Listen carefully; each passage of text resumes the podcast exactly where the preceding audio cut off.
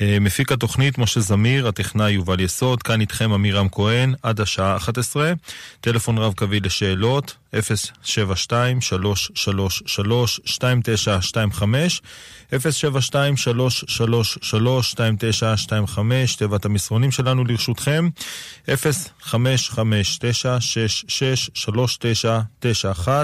שאלות ותשובות בהלכה, בהתמקדות בנושא חינוך הילדים, משפחה וזוגיות. הרב יוסף אלנקווה נמצא איתנו כבר על קו הטלפון, שלום, ערב טוב. ערב טוב לך רבי עמירם, לצוות ולקהל המאזינים היקרים. כן, בכבוד הרב.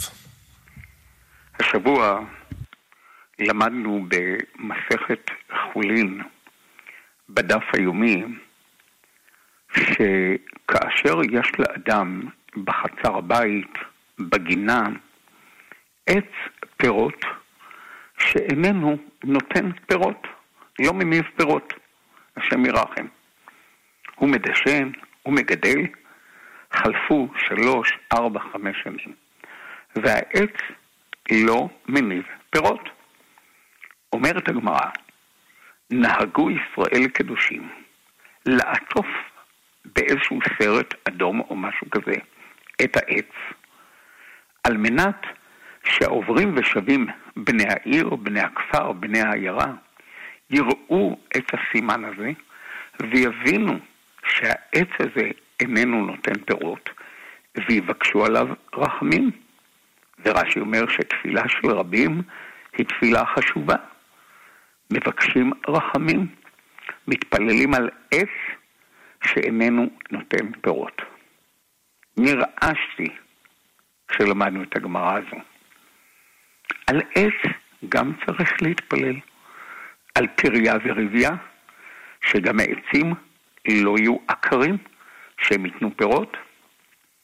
ואם על עץ שאינו נותן פירות צריכים להתפלל, על אחת כמה וכמה, שאם חלילה וחס, לצערנו, יש נשים שעדיין לא נפקדו, כמה צריך להתחנן, לדבר עם הקדוש ברוך הוא, להתיר תפילות, שכל בנות ישראל תיפקדנה. זה דבר מאוד חשוב.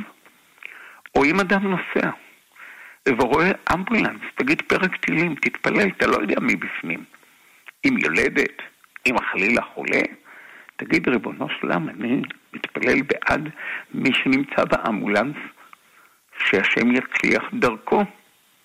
ויש כוח עצום לתפילה של רבים, על עצים ועל אנשים ועל הבריות כולם. יכל אדם לבוא ולומר, העץ לא נתן פירות, נו מה בכך? לא, מה פתאום? התורה הקדושה אמרה שהעץ יהיה עץ פרי, עושה פרי. אם הוא לא עושה פרי, תתפללו עליו, תפרסמו. ואדרבה, אתה בעל העץ, תודיע לכולם את צערך, שכולם ישתתפו בצערך. ולמה אני אומר את הדברים האלה עכשיו? הרב מרדכי אליהו עליו השלום כל כך היה מתפלל על בנות ישראל שתיפקדנה. כל כך היה מתפלל על בחורים שעדיין רווקים, על בחורות שעדיין רווקות, על פנויים ועל פנויות שיקימו בתים, שיתחתנו, בתים כשרים בעם ישראל, שיביאו ילדים. לכן, כמה וכמה צריכים ללמוד הרבה גם מן העצים, ולדעת שלכולנו ביחד יש כוח תפילה עצום, ננצל אותו ונשתמש בו לטובה ולברכה. אמן. אמן. תודה לך הרב יוסף אלנקווה, שכאמור נמצא איתנו כאן אה, בשידור הזה, שאלות ותשובות בהלכה, חינוך הילדים, משפחה וזוגיות. שוב רק נפרסם את המספרים למי שרוצה או רוצה להצטרף אה, ולהשתתף בתוכנית שלנו, מוזמנים, מוזמנות להתקשר אלינו, 072-333-2925, או לשלוח לנו מסרונים ל-055-966-3991. אה, טוב, הרב, אה, שאלה ראשונה שמגיעה אלינו, נושא, הנושא של שלום בית. מבקשים מהרב אה, איזושהי עצה בדור הזה להצליח בנושא הזה. כמו בכל עניין, בוודאי בדבר הזה, צריכים מאוד להתפלל על שלום הבית. לא לקבל שום דבר כמובן מאליו, אלא תמיד להתפלל לקדוש ברוך הוא ולבקש שיהיה שלום ושלמות בבית.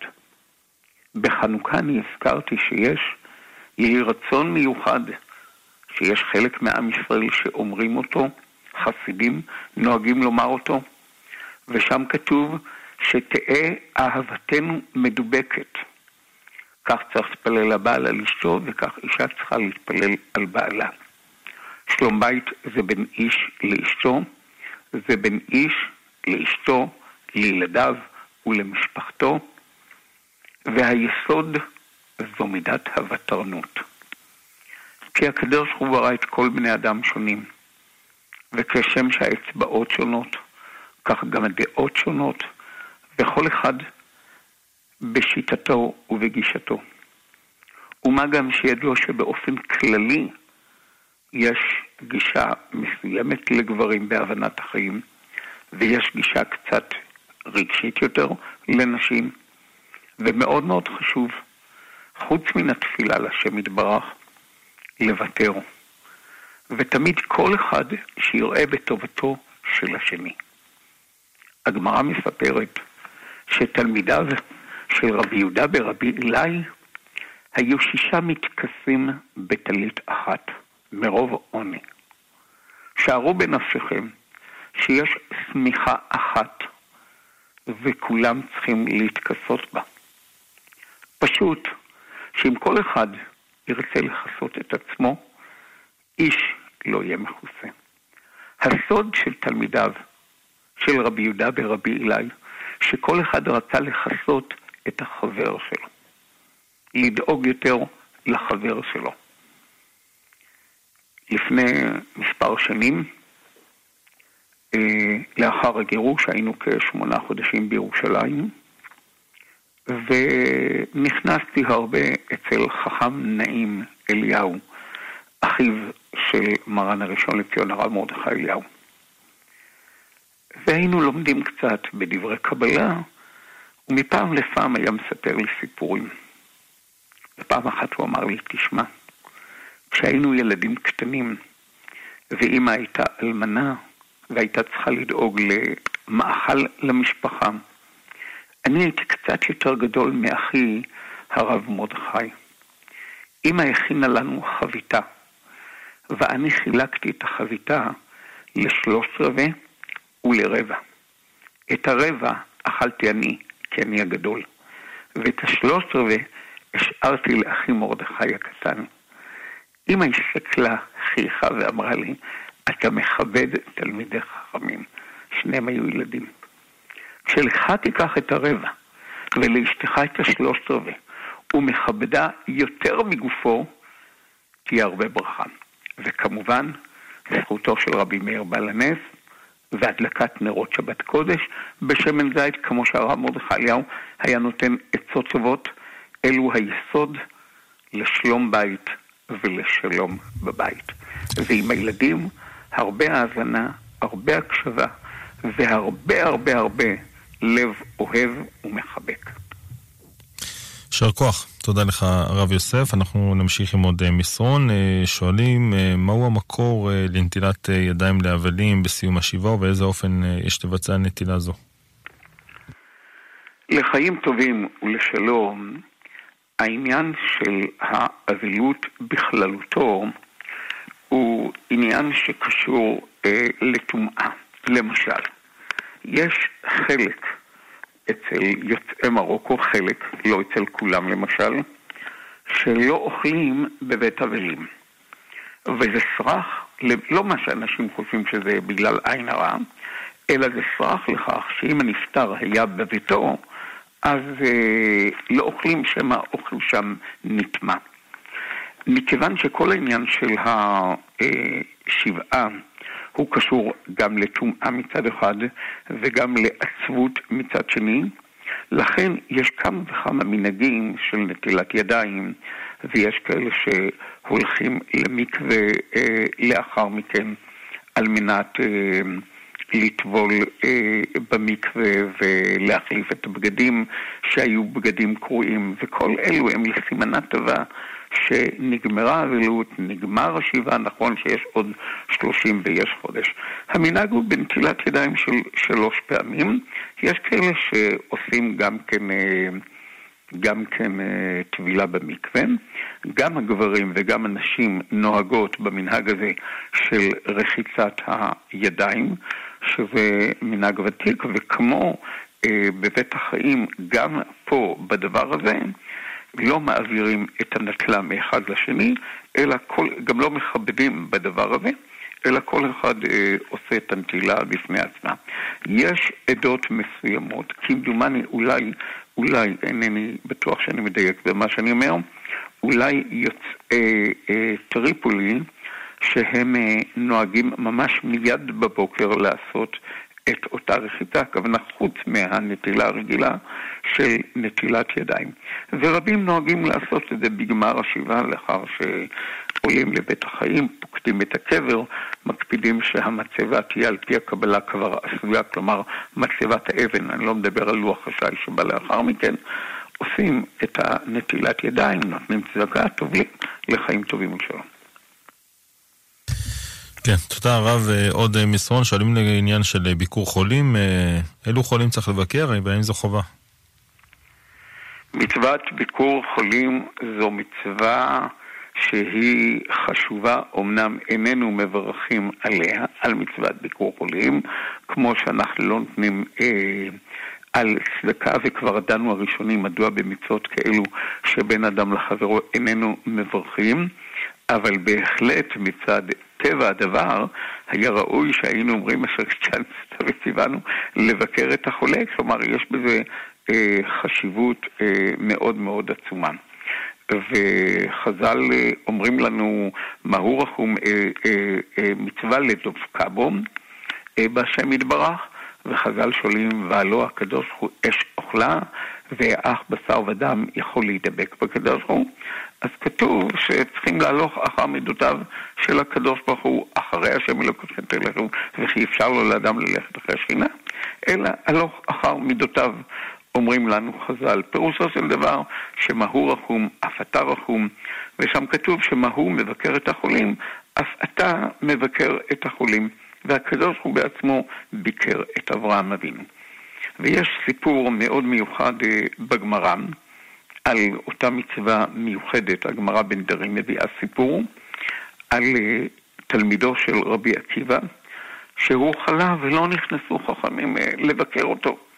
נכנס רבי עקיבא לבקר אותו, ולא זו בלבד, הוא גם כן כיבד את הבית, ציטה את הבית, רבי עקיבא גדול ישראל, ריבץ לפניו, שפך קצת מים, קצת בשמים, ניקה את הבית.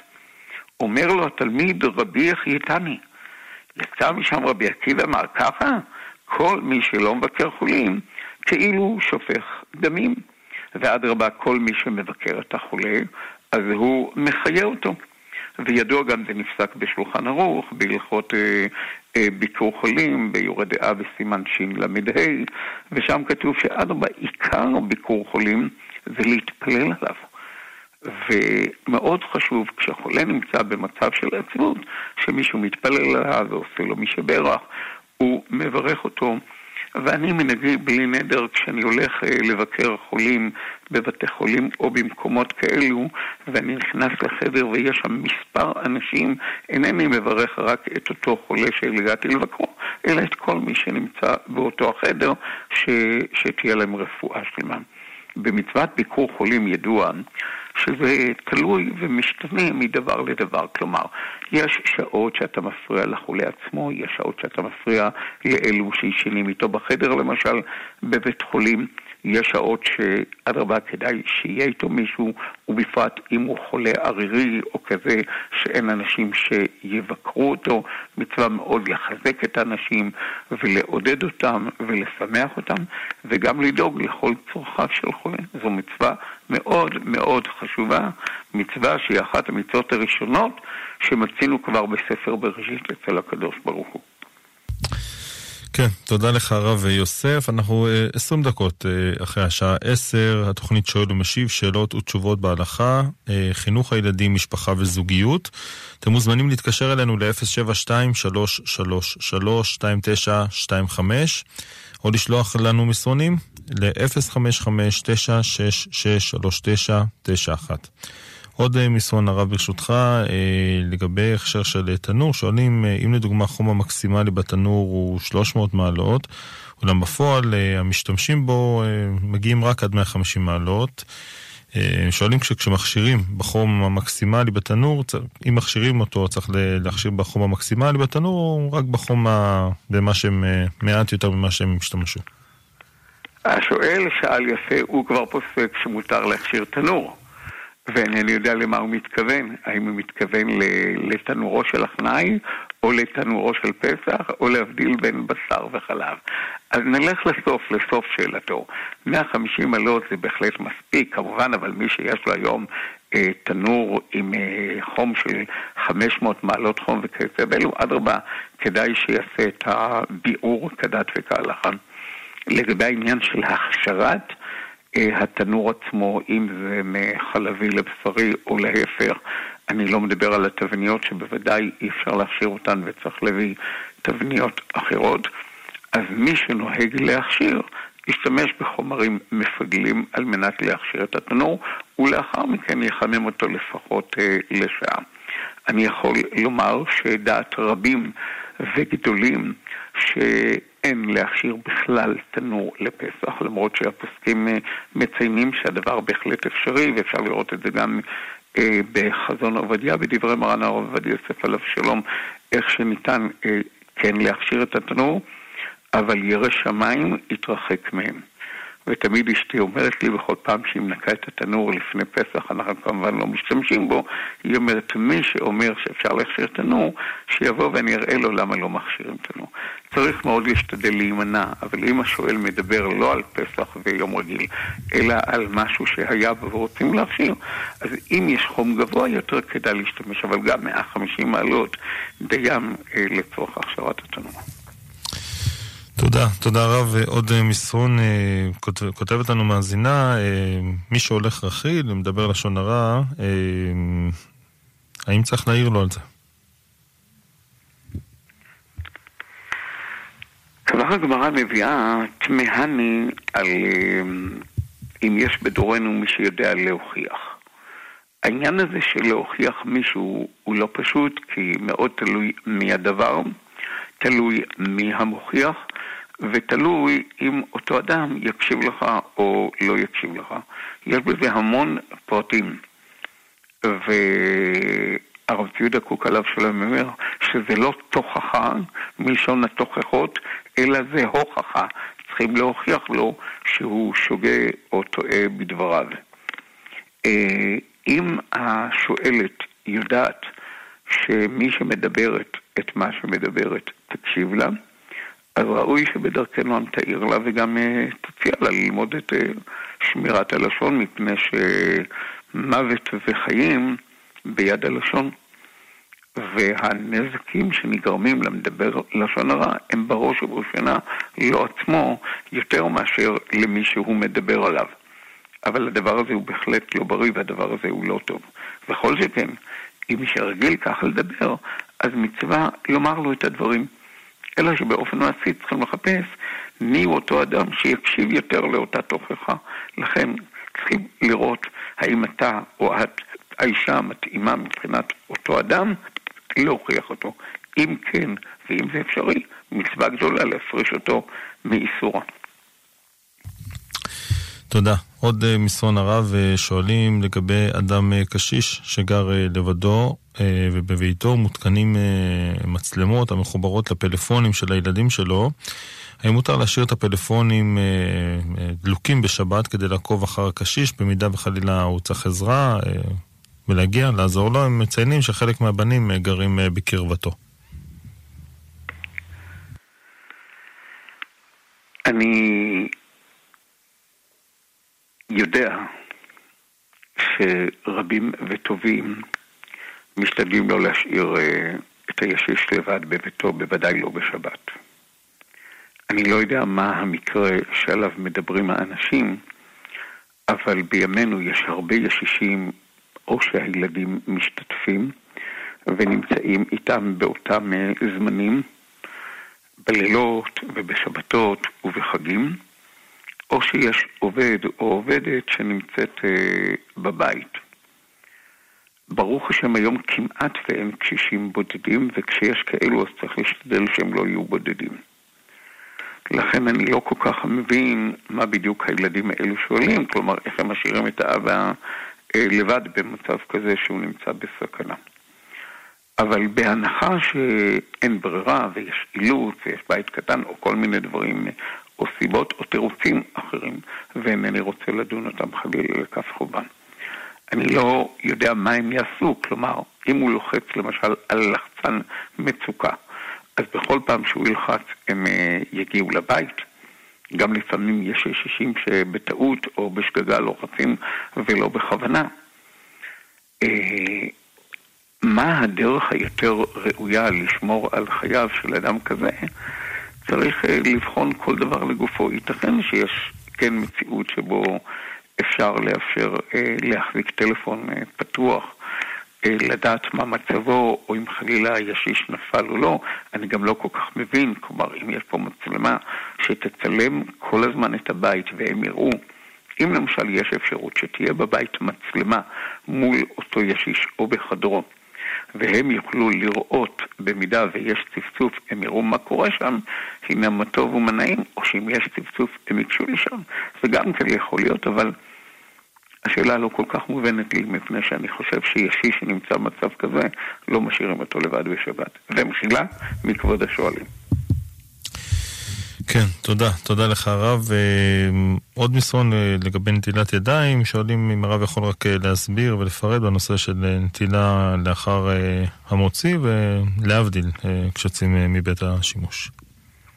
הבן איש חי עליו השלום פירט את כל הנושא הזה של הלכות נטילת ידיים, והוא עשה רשימה מאוד מאוד מפורטת, שאני לא אקרא אותה כרגע, והיא אה, רשימה חשובה ביותר, שצריכים לדעת שיש נטילות שהן שלוש פעמים, ויש נטילות שהן אה, רק נטילה פעם אחת. ובין היתר שם הבן איש חי מציין שנטילת ידיים של בוקר ונטילת ידיים של, של, של ברכת המז... של, של, של המוציא לכם מן הארץ, הנטילות ידיים הן צריכות להיות אה, שלוש פעמים. השואל, כדאי שיעיין גם בשולחן ערוך אור החיים בתחילתו, ויותר מפורט בבן חי בפרשת ויצא, שם יש פירוט ארוך בסעיף ט"ז הוא מביא אלו דברים שצריכים נטילה שלוש פעמים בסירוגין, משום עין הרע, הקם מן המיטה מן השינה, היוצא מבית הקפה, אפילו אם לא עשה שם את צרכיו. ולאחר מכן הוא מביא שיש דברים שהם רק צריכים נטילה מפני נדנוד אה, רוח רעה, ויש כאלה שהם לא צריכים אפילו נטילה בנטלה, אלא רחיצה כלשהי, למשל אדם שחולץ או נועל את מנהליו. שם בפרשת ביצע בן ישחי מתייחס לנטילות ידיים הללו. ויש בהלכות יהודה גם כן את הדינים של שלוש פעמים. אני רוצה לציין שמנהג אבותינו אה, בנטילה גם ב, ב, בסעודה וגם בבוקר לאחר נטילה שלוש פעמים, אז היה מנהג קדום במרוקו, שלוקחים את הנטלה בשתי ידיים ועושים כמו נטילה רביעית, ויש כאלה שזו הנטילה השלישית שלהם, שבשתי ידיים הופכים את הנטלה על שתי הידיים בבת אחת ולא לסירוגין. אני מציע לשואל לעיין היטב בפרשת ויצא בבן חי, שם נמצא באורך וברוחב את כל פרטי ההלכות. כן, תודה רב. עוד מסרון, אה, שואלים לגבי עניין של פסח, אה, משפחה אה, עוזבת את הבית בפסח לכל החג, האם צריכה להכשיר, להכשיר את הבית בכל זאת?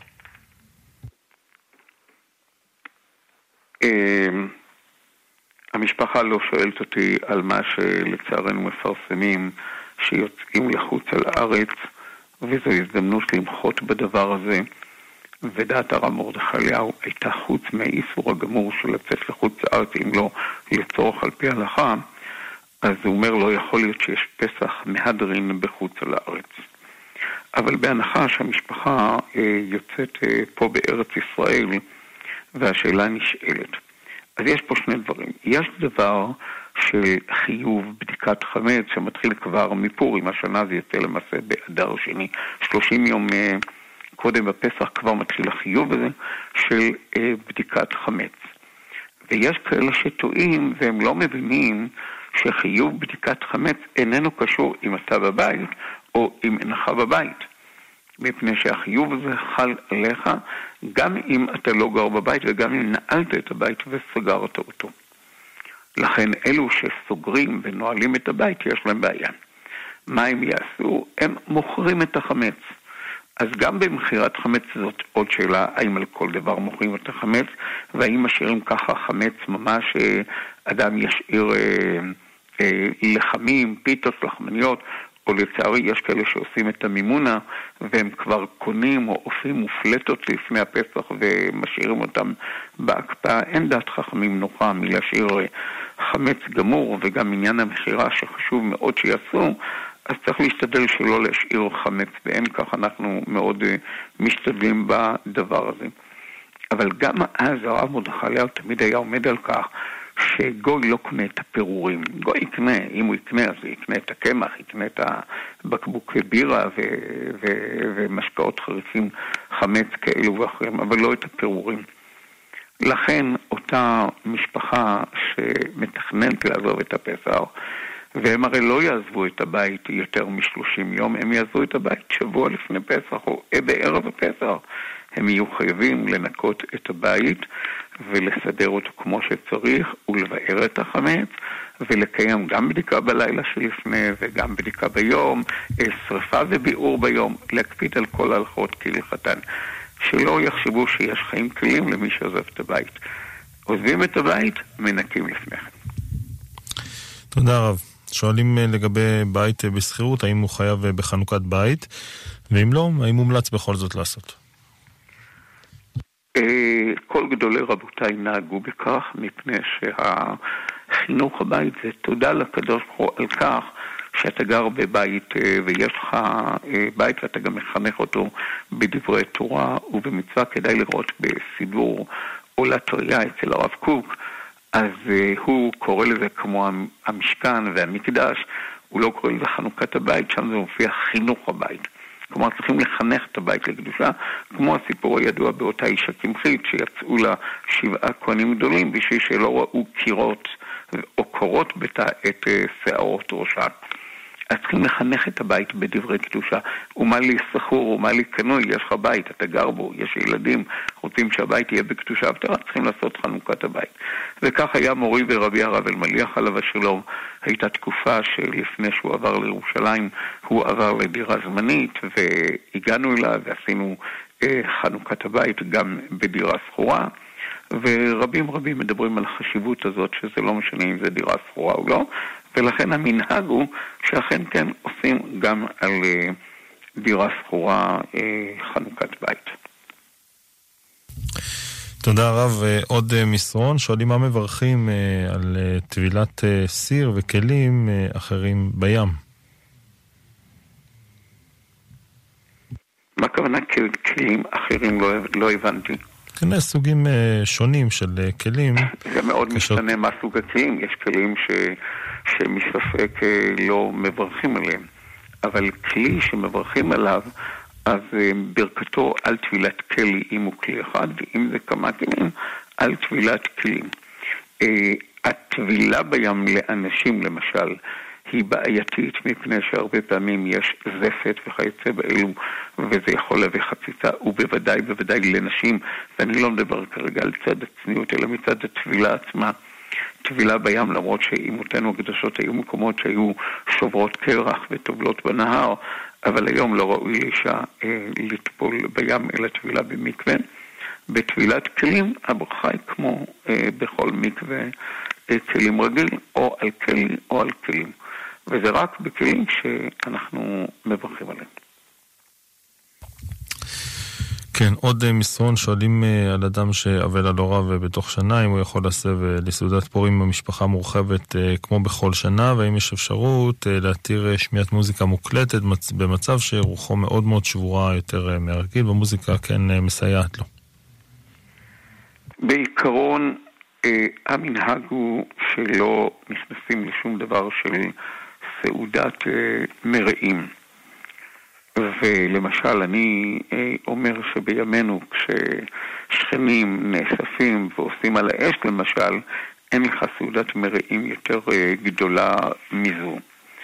אבל העניין הזה של להשתתף בסעודה עצמה, אז אה, השולחן ערוך מביא ממש בסוף הלכות, בסוף הלכות מגילה, ממש ממש בסוף אור חיים, את העניינים הללו, אה, והוא כותב שם שאין אבלות נוהג אה, בפורים, ויש שם אה, מצד אחד שכל דברי אבלות נוהגים בחנוכה, בחנוכה ובפורים, כלומר שזה לא כמו יום טוב שמבטל, אבל מצד שני, אדם יושב שם לסעודה אה, כמו כל המשפחה. זה דבר שהוא כשלעצמו.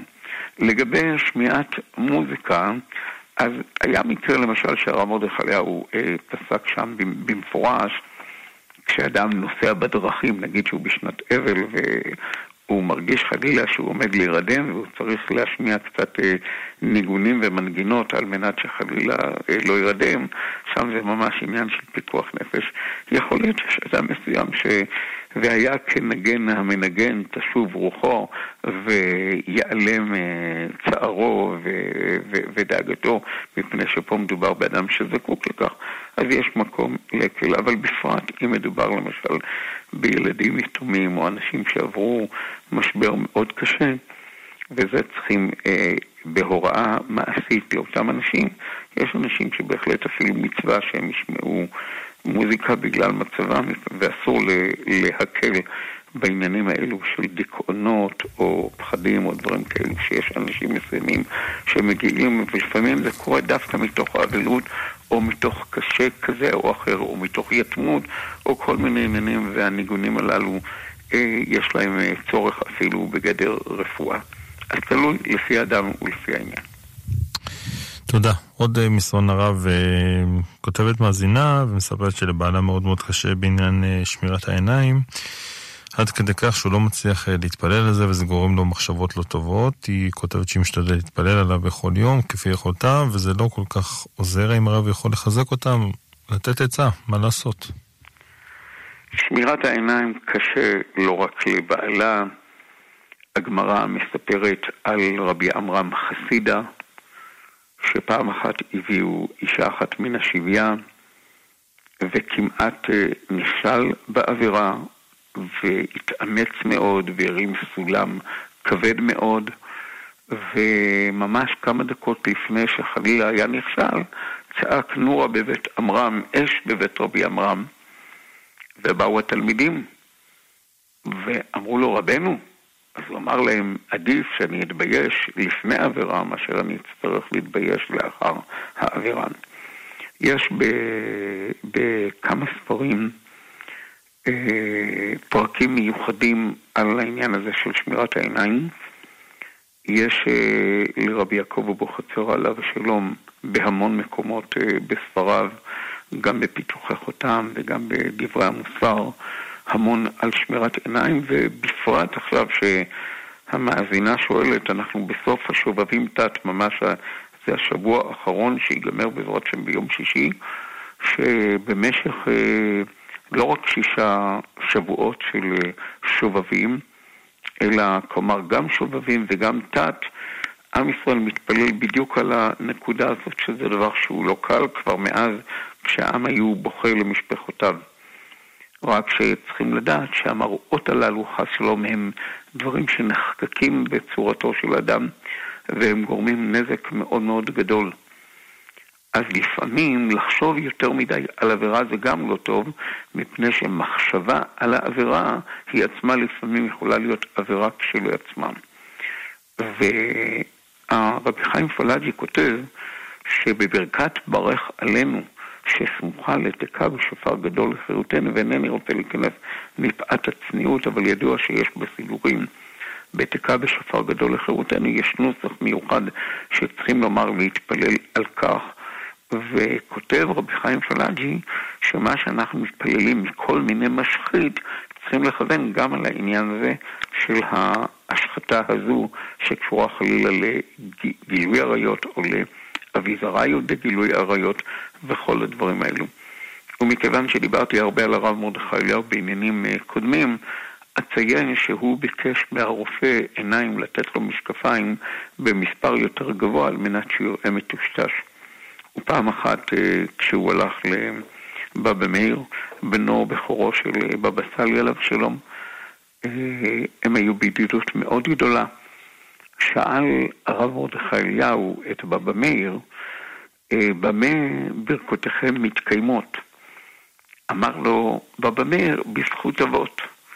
אמר לו הרב מרדכי אליהו, גם לי זכות אבות, בחיוך. אמר לו בבא מאיר, אנחנו לומדים קצת תורה. אמר לו הרב מרדכי אליהו, גם אנחנו לומדים קצת תורה. לבסוף בבא מאיר אמר, הקדשה היא בעיניים. הקדשה היא בעיניים. הקדשה היא בעיניים, הקדושה היא על ידי שמירת העיניים. אז מצד אחד אה, זו הנאה שהיא הנאה של רגע, שאין בה שום דבר של ממש, וכמה צריך להתפלל גם אישה על בעלה וגם אדם על עצמו ועל משפחתו ועל ילדיו ועל כל יוצאי חלציו. צריכים הרבה להתפלל על הדבר הזה, וגם לבקש מהשם מטבח, וגם צריכים לחשוב בשכל גמור שהדברים הללו מזיקים, ובוודאי אדם לא יעשה לעצמו דברים של נזק. לכן, שמירת העיניים זה יסוד גדול, זה לא רק עניין של מקובלים, זו הלכה גמורה עד כדי כך שאנשים לא יכולים להיכנס לבתים, הגמרא מביאה כאשר האישה קצת מפשילה את השרוול מעט על מנת לתלות כביסה, זה לא ראוי שגבר יעמוד במחיצת אותו מקום. ומורי ורבי הרב ציודה קוק עליו השלום פעם אמר לי, אומר, תדע לך שאפילו הגויים של פעם, גם נשים, הוא אומר, נשים פעם של גויים כשהיו הולכות לים, היו הולכות עם שמלות ממש, עם שמלה שהייתה הולכת לים. כלומר, כך היה, גם הגויים ידעו את העניין הזה, והחשיבות להבדיל אלף אלפי הבדלות. לכן הדבר הזה מאוד מאוד חשוב. עכשיו, אם אותו אדם נכשל בשמירת עיניים על ידי שיש לו אה, אינטרנט פתוח או טלפון שאינו מוגן, אז האישה יכולה באופן מיידי להגיד לבעלה שאחר המעשים נמשכים הלבבות. כלומר, הוא צריך למנוע את עצמו בצורה מפוארת, שלא להחזיק בבית אה, אינטרנט אה, פתוח אה, ללא הגנה ולא מכשירים, מכשירי טלפון ללא הגנה, וברוך השם יש היום את כל האפשרויות להגן. אמנם מי שירצה לעבור עבירה תמיד יוכל לעבור עבירה, אבל לפחות את הגדר ואת המשמרת הנצרכים ביותר הוא חייב אה, לשים לנגד עיניו. ולמזהיר ולנזהר שלומים כמנהר. יישר כוח. תודה לך הרב. אנחנו נעבור אל מאזין, בבקשה. שלום. ערב טוב. שלום, ערב טוב כבוד הרב. כבוד הרב, אנחנו דיברנו שם על חנוכת בית. האם כמה, בתוך כמה זמן אני צריך לעשות חנוכת בית? האם שבוע, שבועיים, חודש, שנה, חצי שנה? אולי יש לי כסף, אולי אין לי כסף, אולי להביא את החבר'ה, את התלמידי הכוללים, מה לעשות? מה, מה בדיוק שאני אדע כמה זמן אני יכול לחכות עם זה? זה הכול. המנהג הוא לא לחכות. ביומו תיתן, המנהג הוא לא לחכות, ביומו תיתן שכרו. אנחנו נוהגים כמו שהרב שרעבי עליו השלום. אבל משהו אחר, ביומו תיתן שכרו. לא, לא, לא, לא, לא. אני אומר את זה כמליצה. הרב שרעבי עליו השלום היה אומר שזה מאוד מאוד חשוב שתהיה הכרת הטוב לאדם שיעשה מיד, אפילו לא ישן לילה אחד. כך רבים ושלמים נוהגים מיד לעשות, ואם לא עשו, יעשו ברגע שרק אפשר. אבל כבוד הרב, אני כבר עשיתי לא פעם ולא פעמיים, יש ארבע, חמש בתים שעשיתי כבר חנוכת בית, שהם היו שלי. אבל אני עכשיו רוצה להגיד לך שהרב שלי בשערי תקווה, הוא עשה אחרי 14 שנה, אני לא סתם שאלתי את השאלה. ברוך השם. אחרי 14... ברוך השם שהוא תיקן. תיקן אותנו לבית שלו לעשות חנוכת בית. יאמר לי כבודו, למה נראה לך שהרב עשה לאחר 14 שנה? אה? למה נראה לך שהרב עשה לאחר 14 שנה? אני באמת לא יודע. נו, אז יכול להיות שהייתה איזושהי בעיה, או שכחה, ויום אחד הרב נזכר שלא עשו, וגם יכול להיות שהיה איזשהו עניין, ולא עשו, ולכן מיד הוא תיקן. תקנו את הילדים בזמן הזה, הכל, הכל, הבית היה ריק, זהו. שני תאומים ושני תאומות. ברוך השם, ראוי לעשות את חנוכת הבית מיד באותו היום. כלומר, קורה פעמים שעד שמביאים אנשים והבית עדיין לא מאורגן וצריכים, uh, המטבח עדיין לא מאורגן וכבר נכנסים לגור מכל מיני טעמים, אז יש שני סוגים.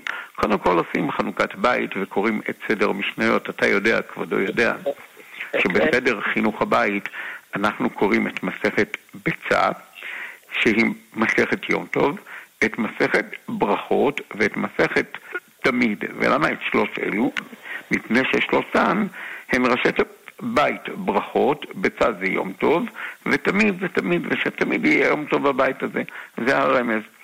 אז מביאים עשרה אנשים, עושים סעודה קטנה לעשרה אנשים שלומדים את הלימוד, ולאחר מכן, כשהבית כבר יהיה יותר מוגן, אפשר לעשות סעודה חגיגית ו- ורחבה יותר. ידע כבודו שחינוך בית זה דבר מאוד חשוב, והרי זה נרמז בתורה, מי האיש אשר לא חנכו ילך וישוב אל ביתו, עד כדי כך.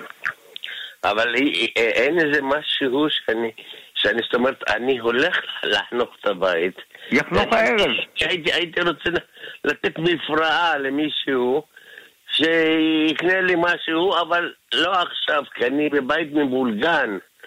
אני סביר, אני עוד לא, אני, אני חי לבד. אתה חי לבד? כן. השם יתברך, כתוב לא טוב להיות האדם לבדו, אז קודם כל יהי רצון שלא תחי לבד. ושביתך יהיה מלא באורה ו- ורווחה. עכשיו השעה כמעט 11 בלילה, סביר להניח שלא תספיק, אבל אם, אם אני מבין מבין בתרי אה, אמריך שאולי אה, אה, אתה נמצא במצוקה כלכלית אולי, או שקשה לך לעשות את הסעודה. אני לביטוח הלאומי. אז אני מבין שקשה לך, כבודו לא צריך לעשות סעודה יקרה, ואפשר גם לבקש עזרה מחברים, מכמה שכנים טובים שיביאו כמה מיני תרגימה ולעשות את הסעודה ותעשה אותה, בעזרת השם, שתהיה לך ברכה. אתה לא, אני מבין שאתה חי על קצבה, אז תעשה ממש דברים פשוטים. ושחברים יסמכו אותך, ואתה גם יכול לבקש מכמה חברים שכל אחד יביא מיני מאכל. באיזה מקום כבודו גר בארץ? מאופקים, אני הייתי גר בשערי תקווה. אה, גרשתי ובאתי לאופקים. השם יזכה אותך או לקיים מצוות אה, משיב גרושתו, שזו מצווה מאוד חשובה, או אם זה לא מתאפשר להקים את ביתו. ואם אה, קשה הדבר לך, אז אם תשאיר את הפרטים, אני אנסה לדבר עם כמה חברים שיעזרו לך לעשות חנוכת בית באופקים בלי נדר. תודה רבה, אני כבר אסתדר. השם יברך אותך וישמח את למח. ותהיה מאושר, שש ושמח כל הימים, אמן. תודה לך. כל טוב.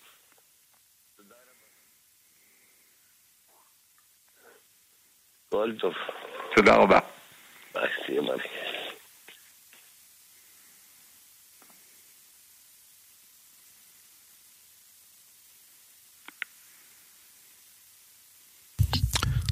כן?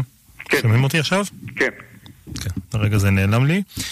אה, רב, אנחנו נמשיך עם המסרונים. אה, שואל מאזין, כתוב שמי שאין לו דת, אין מרחמים עליו, ורצינו לשאול למה, וכי מהו השם שאין לו דת. דווקא הוא זה שצריך שירחמו עליו ויעזרו לו. אה, בוודאי לא הכוונה לאדם מסכן. אדרבה, אנשים מסכנים, מצווה גדולה מאוד מאוד לרחם עליהם. ושם כוונת חז"ל היא לעניין אחר. אדם שהוא לא אה, אה, דואג לעצמו, אז זה עניין אחד, אבל אדרבה, אנשים שהם מסכנים, ואנשים שהם חלושים, ואנשים שהם חסרי דעת, אדרבה, מצווה גדולה מאוד לעזור להם, ומצווה לעודד אותם ולתמוך בהם.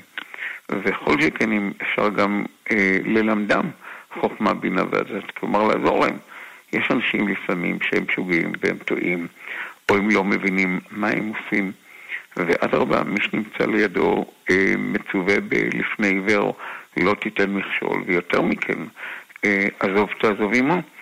ופעמים אנחנו רואים שיש אנשים שהם חלשים, אם זה למשל אה, תלמידים בבתי ספר, תלמידות, או אם זה אנשים בשכונה, או אנשים בבית הכנסת, אז אדרבה אסור ללעוג להם, אדרבה וצריך לסמוך שהשם יתברך זיכה אותך בהזדמנות הזאת לשמח את לבבם. תודה רב, ונעבור אל מאזינה, בבקשה. שלום. ערב טוב. שאלה בעניין נטילת ידיים. יש מצב שרוצים אה, נטילת, לעשות נטילה לפני האוכל, ו...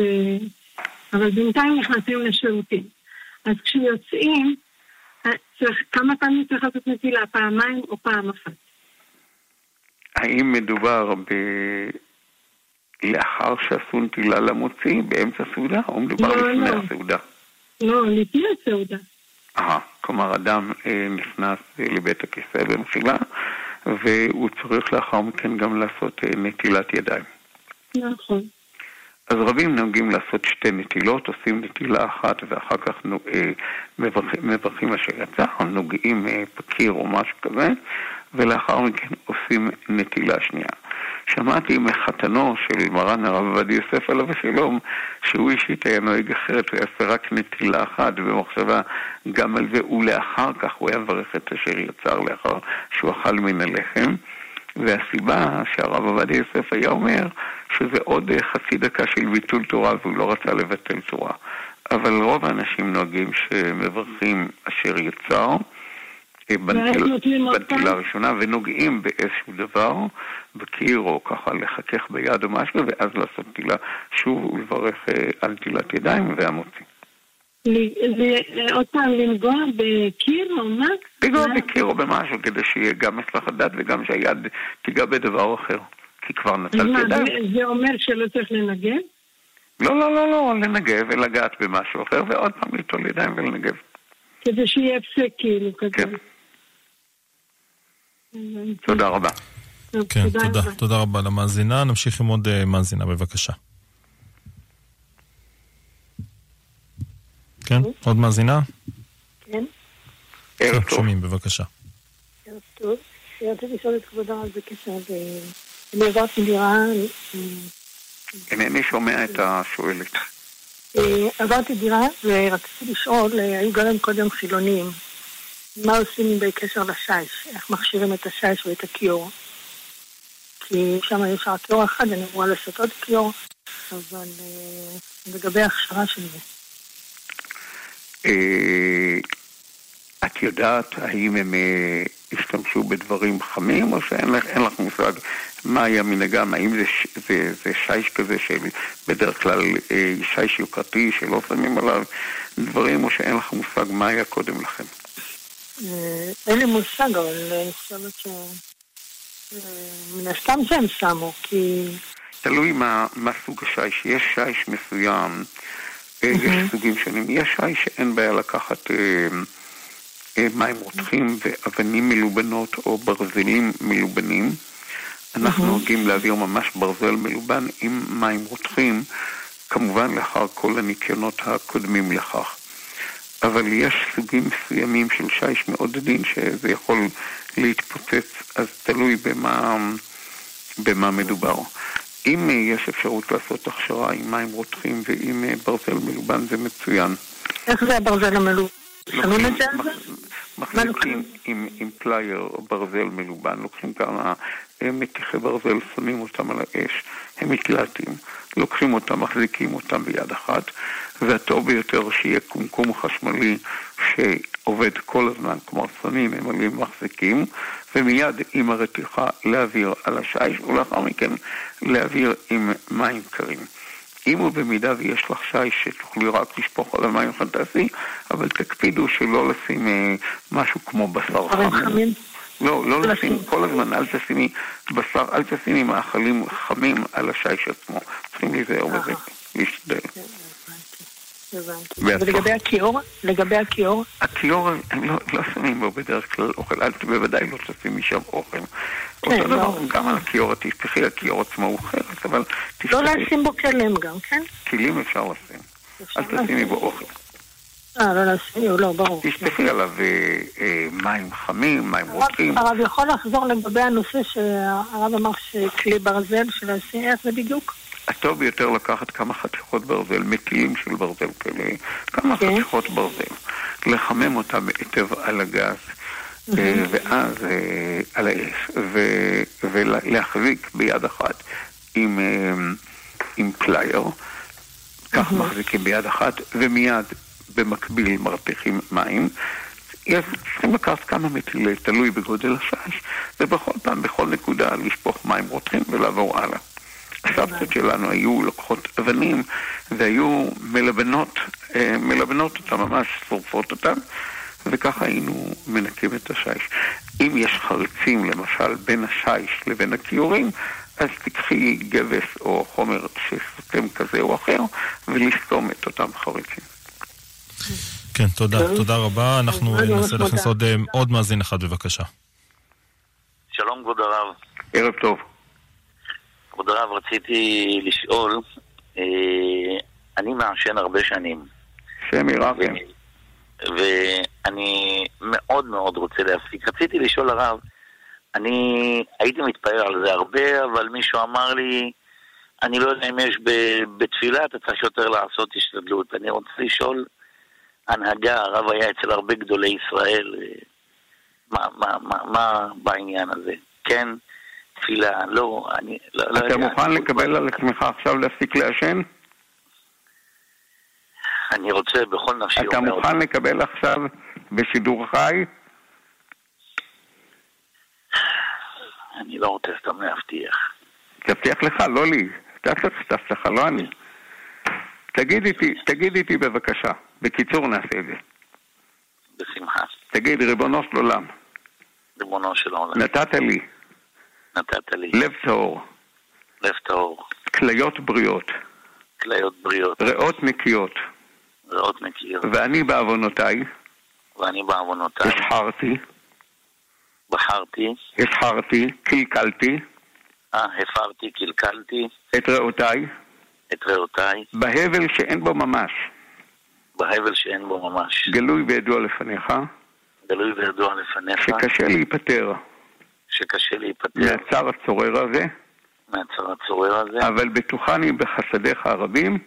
אבל בטוחני בחסדיך הרבים. שתגרום לכך. שתקרוב לכך. שלא אעשן יותר.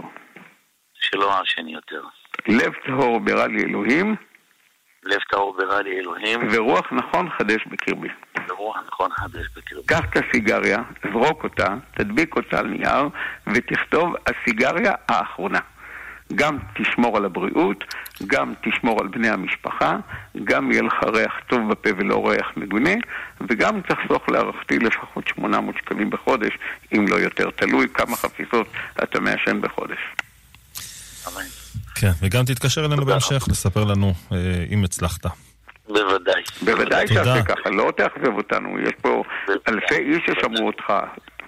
עם, אה, עם רב כזה גדול, ודאי שאני בעזרת השם. יהי רצון שלא תעשן יותר, אמן. בהצלחה רבה, בהצלחה רבה, ועם הנימה האופטימית הזאת, הרב, אנחנו נסיים את השעה שלנו, ונודה לך, הרב יוסף אלן קווי רב מועצה אזורית גוש קטיף. תודה לך, רבי עמירם, תודה לקהל המאזינים, וכל מי שמעשן, אנא בבקשה, הוסיפו בריאות לעצמכם לזרוק את הסיגריות. מיד. יישר כוח. תודה לך. תודה רב יוסף. נודה גם לצוות השידור שלנו, משה זמיר המפיק, יובל יסוד הטכנאי, אני עמירם כהן הייתי כאן איתכם. אחרי חדשות אה, השעה 11 בגן האמונה עם הרב שלום ארו, שאלות ותשובות, אתם מוזמנים אה, כבר לשלוח אה, מסרונים ולהעביר אל התיבה שלנו. בחצות, ז'וז'ה אבוטבול, שיחות עם מאזינים ואורחים באולפן, בית מדרש משודר, הלילה אם תרצו בשעה 2 אחרי ז'וז'ה אבוטבול, הרב עובדיה יוסף בשיעור שבועי. אה, שיעורי תורה בהמשך, בית מדרש משודר, ובשעה חמש משה חבושה עם תפילת שחרית. שתהיה לכם המשך האזנה נעימה, לילה טוב.